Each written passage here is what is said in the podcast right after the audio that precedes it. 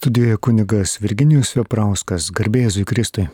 Ir paneliai švenčiausiai taip pat, malonus Marijos radio klausytojai, o mes toliau kalbėsime apie pamaldžius valios pareiškimus bendrai ir pamaldžias fundacijas.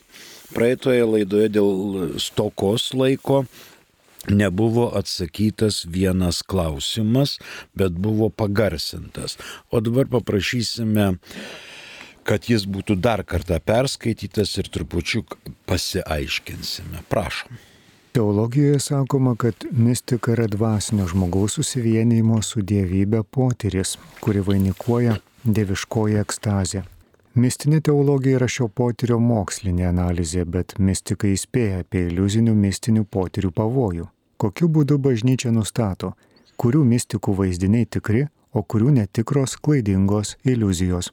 Ačiū. Čia nepasirašė, gal turbūt klausytojai arba klausytojas. Panagrinėkim pirmiausia klausimo esmę. Teologijoje sakoma. Kokioje teologijoje sakoma? Protestantų, Mozės išpažinėjų, katalikų, pravoslavų, kokioje teologijoje. Čia dar toksai neaiškus terminas. Ir dabar susivienimo su dievystė potyris, ekstazija, mistinė teologija, mokslinė analizė. E, reikia pasakyti, kad mystikai tame tarp ir Švento kryžiaus Jonas įspėja, kad geriausiai į šituos dalykus nekreipti dėmesio, į tuos visus apreiškimus, apsireiškimus, nes tai gali būti tikrai ne iš Dievo. Dabar klausimo esmė yra tokia, kokiu būdu bažnyčia nustato, kurių mistikų vaizdiniai tikri, o kurių netikros klaidingos iliuzijos. Bažnyčia nekelia savo tikslo nustatinėti, kurių mistikų vaizdiniai tikri, o kur yra tik tai klaidingos iliuzijos. Bažnyčia nenustatinėja. E, dar galima pasakyti, kad yra privatus apsireiškimai, kaip po tokie, yra kolektyviniai apsireiškimai, kaip po tokie ir panašiai. Dabar keletas ženklų, kuriais galima žiūrėti, ar tai yra iš Dievo, ar tai yra netikros, iš velnio klaidingos iliuzijos, tai yra maždaug šitaip. Jeigu Dievas nori ką nors pasakyti per kokį nors žmogų ar grupę žmonių, tai bažnyčia nesugebės tam pasipriešinti. Bažnyčia ką nori gali daryti, Dievas vis tiek pasieks savo per vieną ar kitą žmogų. Dabar tokių mistikų, regėtojų kiekvienais metais įvairiuose kraštuose yra daugybių daugybė, kurie matė, regėjo apsireiškimus, čia visokios ketur naujienos ir taip toliau. Žiūrime į ką? Žiūrime į patį žmogų, koks jis yra. Ar jis yra doras, jis praktikuojantis katalikas ir svarbiausiai, ar jisai klauso savo, pavyzdžiui, dvasios tėvo. Jis ateina iš pažinties ir ten pradeda aiškinti, kad buvo atėjęs Jėzus su tokia paklodė apsisukęs, jis liepė tą ir tą daryti panašiai. Dvasios tėvas sako, į šitą nekreipi dėmesio, čia yra tau iš piktojo ir žiūri, ar žmogus laikosi šito, ar žmogus šito nesilaiko. Toliau. Reikia žiūrėti, ar šitas apreiškimas atitinka Biblijos, taip sakant, Naujo testamento mintį. Jeigu tai nauja kokia teologija, viskas aišku, labanaktis. Nėra. Čia ne, ne ta sfera. Bet jeigu apreiškimas pagilina kokią nors tikėjimo žinę, tada jau verta nagrinėti. Dar vienas dalykas. Yra šventoji dvasia. Yra šventosios dvasios dovanos, ir šventosios dvasios veikimo vaisiai. Nes paprastai sakoma, kad Dievas tėvas sukūrė pasaulį, Dievas sūnus pasaulį atpirko, o Dievas šventoji dvasia pasaulį palaiko buvime. Reiškia, bažnyčiai šventoji dvasia teikia dovanas ir bažnyčia skleidžiasi šventosios dvasios vaisiais gyvenime. Reikia žiūrėti, kokie čia tie vaisiai, kokie čia dalykai skleidžiasi. E, toliau, ar žmogus vertas pasitikėjimo. Ir taip toliau, taip toliau, tokie dalykai. Jeigu jau visai akis bado kažkoks tai apreiškimas ir bažnyčia negali nekreipti dėmesio, sudaroma komisija. Komisiją sudaro vyskupas, išklausęs kompetentingų ekspertų. Ar čia yra sapnininkas, ar čia yra kažkas gero, tauraus, kilnaus ar verta pasitikėjimo. Šilovoj. Piemenėliai. Matė verkiančią gražią, gražią mergaitę ant akmenų. Ir klausė, ko tu čia mergaitė verki. Sako, aš verkiu, nes anksčiau čia buvo garbinamas sūnus mano, o dabar čia ariama ir siejama. Tai piemenėlių žodžiams bažnyčia patikėjo. Net ir dar dėl to, kad tada įsigalėjo Lietuvoje protestantizmas ir protestantai taip pat garbina Dievą. Garbina Jėzų Kristų. Bet negana to, mergaitė verkė ir sako, anksčiau čia buvo garbinamas mano sūnus, reiškia Eucharistinė auka, o dabar čia ariama ar siejama. Tai va tokie apreiškimai, kurie, kurie tikėtini ir tai Dievas padarė keletą ženklų ir katalikų tikėjimas vėl atsigavo. Tai tokių tikrų, klaidingų iliuzijų, mistinių vaizdinių, tikrų ar netikrų, yra labai daug, pabrėžiu, labai daug. Ir paskui juos bažnyčia nesivaiko bažnyčia atkreipė dėmesį į vieną kitą, kuris jau iš tikrųjų akis bado ir tikėtina, kad tai tikrai kažkas gali būti. Ačiū. Dabar kitas klausimas, prašom. Kodėl kai kuriuose kitų šalių, o taip pat ir Lietuvos bažnyčiose, žmonės nebeklūpia iki tėvę mūsų maldos, bet stojasi ant žodžių tikėjimo paslaptis? Ar priimtas kažkoks bažnyčios sprendimas? Ačiū. Lietuvoje ne. Lietuvoje paprastai, ypatingai Kauno arkiviskupijoje, nuo pakėlėjimo iki tėvė mūsų maldos klūpoma. Klūpoma. Tačiau atvažiuoja užsieniečiai iš artimo ar tolimo užsienio ir žinoma po tikėjimo paslaptis atsistoja. Nes jie taip pripratę. O pas mus reikia sakyti, brangieji, mūsų dalinė teisė įsako klūpėti. Prašom klaupėtis. Pas save ten nuvažiuosite, mielai prašom. O čia klūpoma. Nes įstatymų leidėjas yra vietos vyskupas, o ne, kaip sakant, bendra tikinčiųjų nuomonė. Tai susidariusi tradicija nuo amžių ir mes to laikomės. Antras atsiklaupimas yra po e, štai Dievo avinėlė, kai ta malda sakoma. Štai Dievo avinėlis, kuris naikina pasaulio nuodėmės. Šitos maldelės metu, šitos demonstracijos metu taip pat klūpoma. Anksčiau buvo, kaip girdėjote, prieš pandemiją šventoji komunija dalinama ant liežuvio. Kai kunigas deda komunikantą ant liežuvio. Per pandemiją pasikeitė situacija ir komunija gali būti dalinama į delną į ranką. Šitas dalykas neatšauktas ir tikintieji laisvai gali rinktis arba ant liežuvio, arba į plaštaką. Ant delno. Ačiū. Dar vienas klausimas turbūt, prašom. Išbandžiau vieną vyrą, antrą, trečią, gal ir ketvirtą, o jau su penktu ir su keturiais vaikais nuo kiekvieno leista santokos sakramentui prie altoriaus ir nereikia jokių bažnytinių teismų, kad leidimą gaut. O tiems, kurie rimtai gyventi nori, prie altoriaus su pirma ėjo bet iširus santokai privalo po bažnytinius teismus bilinėtis, o kokia puikia bažnyčios tvarkelė. Sudaryta, atsiprašau, valkatoms, bet ne tiems, kurie katalikiškai gyvena. Ačiū. Nuostabus klausimas. Valkatoms. Nu čia turbūt ir mane turite omeny. Dėkoju už epitetą. Dabar pabandžiau vieną vyrą, antrą, trečią, gal ketvirtą, o gal ir penktą. Pabandžiau. Katalikų bažnyčia skelbia, kad lytinio gyvenimo debutas šeimoje, santokos sakramentu užanspauduotuose vyro ir moters santykiuose. Jūs turėjote 1, 2, 5, o šeštą pavyzdžiui jūs galite priimti kaip savo vyrą.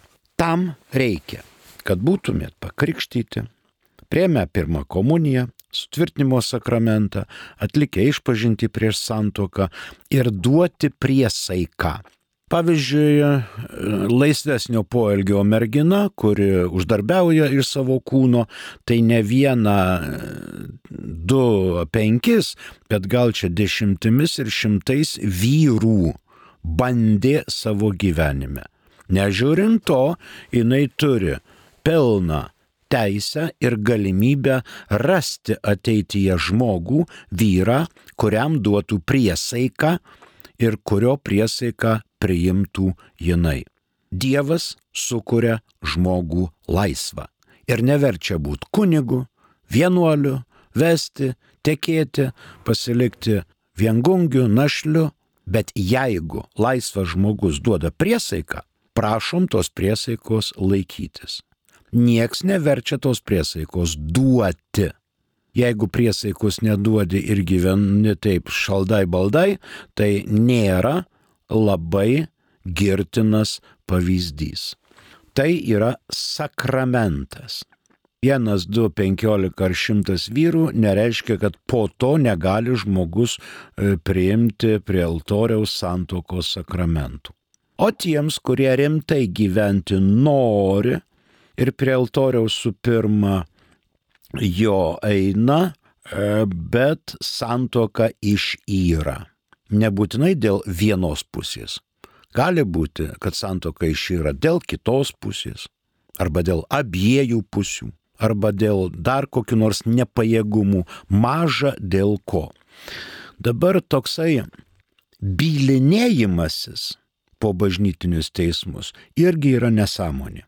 Tai netrunka ypatingai daug. Bažnyčia tyria, ar santokos sudarimo metu nebuvo kliūčių ir ar santoka sudaryta galiojančiai. Tarkim, Draugavom tris mėnesius, pažinom vienas kitą, nutarėm susituokti. Bažnyčia aiškiai mano, kad trijų mėnesių draugystės laikotarpis yra akivaizdžiai per trumpas. Per trumpas. Ir taip toliau, ir taip panašiai. O dabar tas paskutinis sakinys labai gomurį nuteikė puikiai. Ot kokia puikia bažnyčios tvarkelė, sudaryta, atsiprašau, valkatoms, bet ne tiems, kurie katalikiškai gyvena. Žinokit, yra ir valkatų, kurie katalikiškai gyvena. Ir yra dorų katalikų, kurie valkatiškai gyvena. Tai čia, žinokit, ne mes sprendžiame. Čia sprendžia Dievas. Nes Dievas mus sukūrė. Ir Dievas mūsų nori sugrūdusios širdies. Adventui artėjant mes tengiamės visi patikti Dievui, praktikuoti dorybės. Dar keli klausimai yra, mūsų laikas senka po trupučiuką. Prašom dar.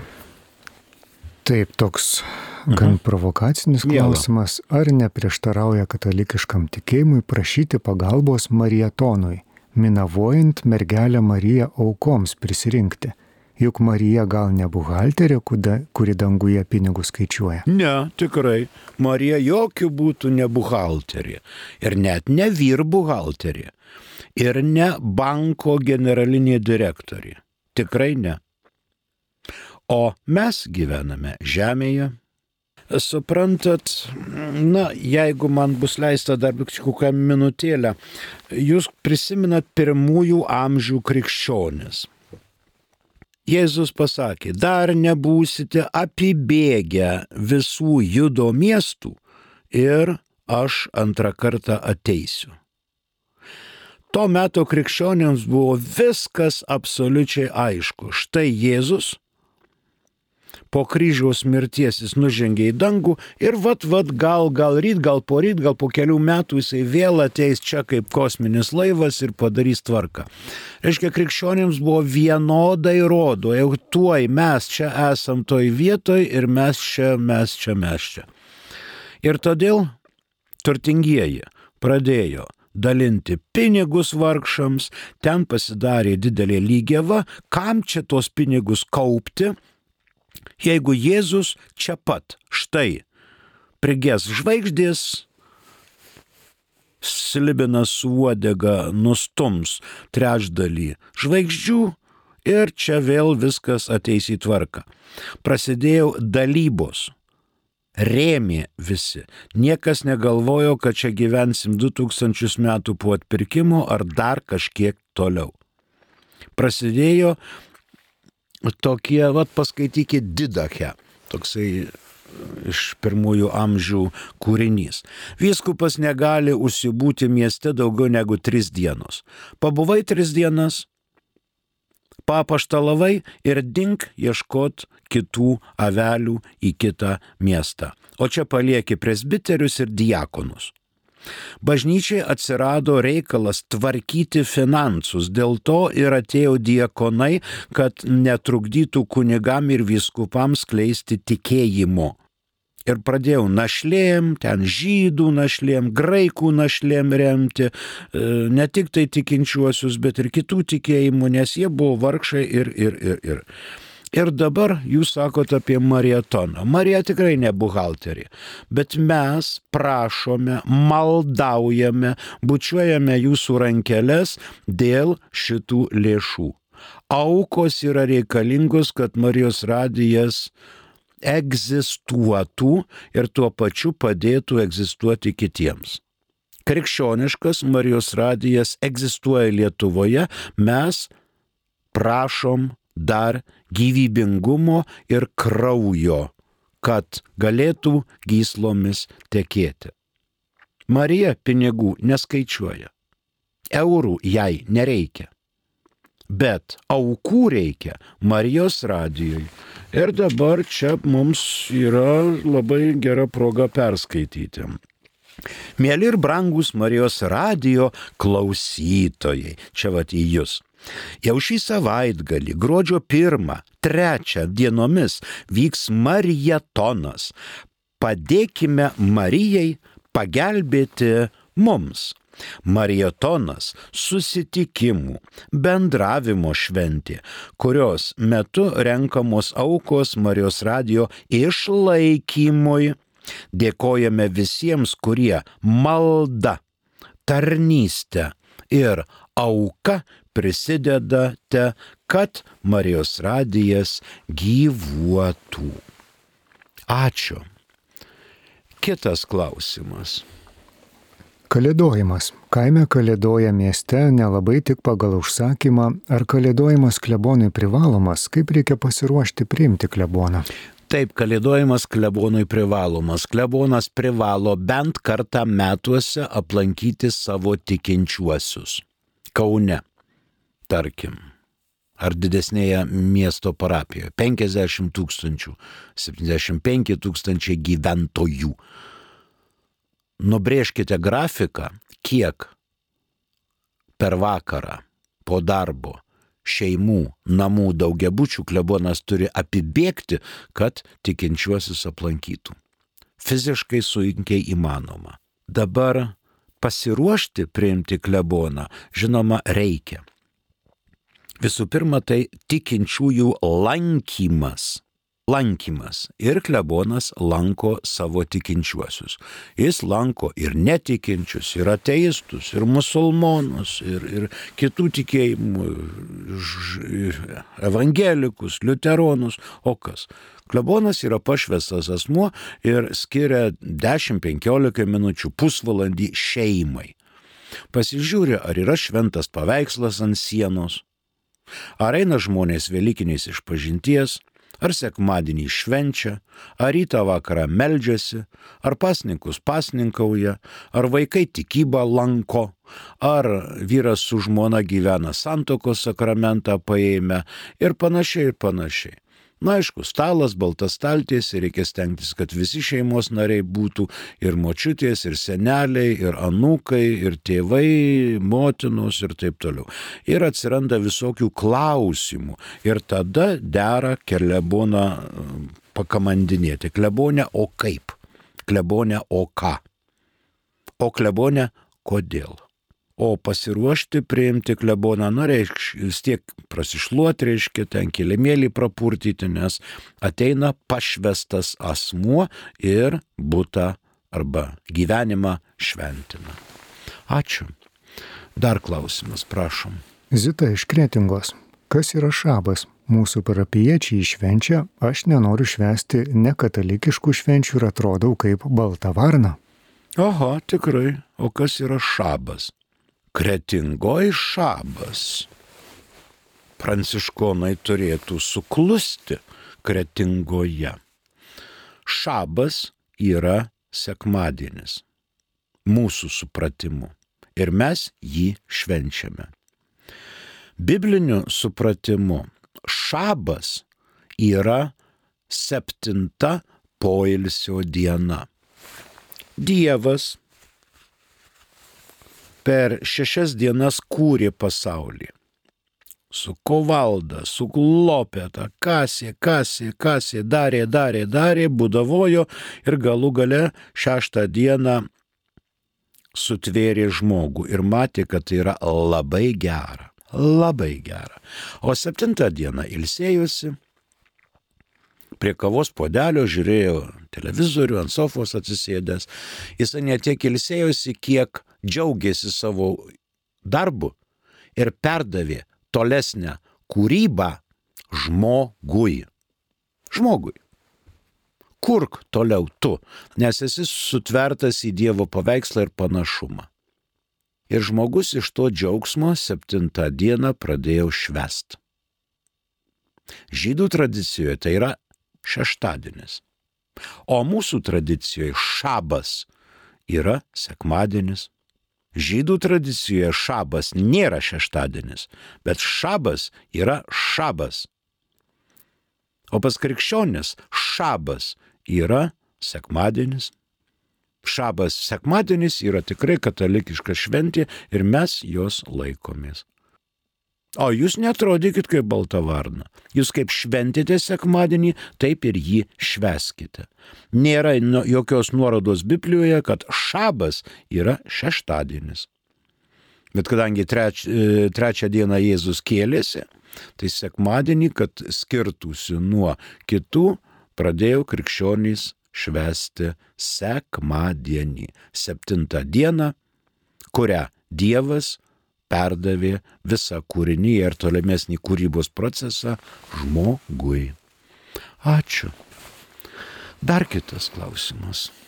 Ar tiesa, kad yra pakeistas apieigynas? Naujajame nebeliko esmės, kad pašventinti daiktai tai yra sakramentalijos saugoja nuo piktosios dvasios. Gaunasi tik palaiminimas, o palaiminti gali bet kas. Pakomentuokite. Nu, nu, nu. Palaiminti gali bet kas. Čia jau visai kažkoks tai religinis sinkretizmas. Mokyti, šventinti ir laiminti gali dvasininkas. Dvasininkas yra diakonas, kunigas ir vyskupas. Šitie trys gali. Aišku, tėvai gali laiminti vaikus. Gali ir taip toliau. Bet laiminti tai, kas yra parašyta apie įgynę, gali tik tai dvasininkas. Tai yra paprastai Lietuvoje galima sakyti kunigas. Diekonų mažai, viskupų dar mažiau, o kunigas gali. Kad palaiminti gali bet kas, šito tikrai dar bažnyčioje nėra. Dabar klebonas kalėdoja, pašventina būtą, būtas pašventintas.